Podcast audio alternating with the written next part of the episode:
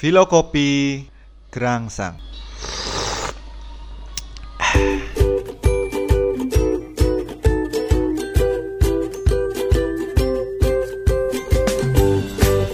Filokopi marah.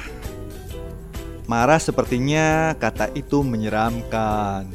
Ayo buat yang punya bos gampang marah setiap hari Berangkat kerja ke kantor pasti bawaannya tegang dan bete Bener nggak?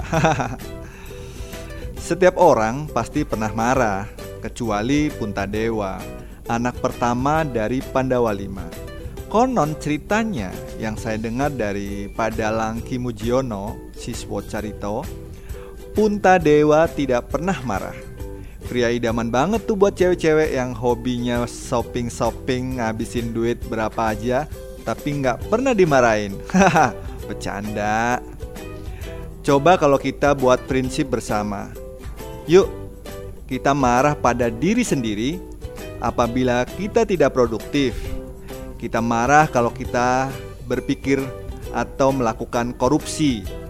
Kita marah kalau apa yang kita lakukan merugikan orang lain atau kita marah kalau kita punya hutang nggak mikir buat balikin yang ngerasa ngacung.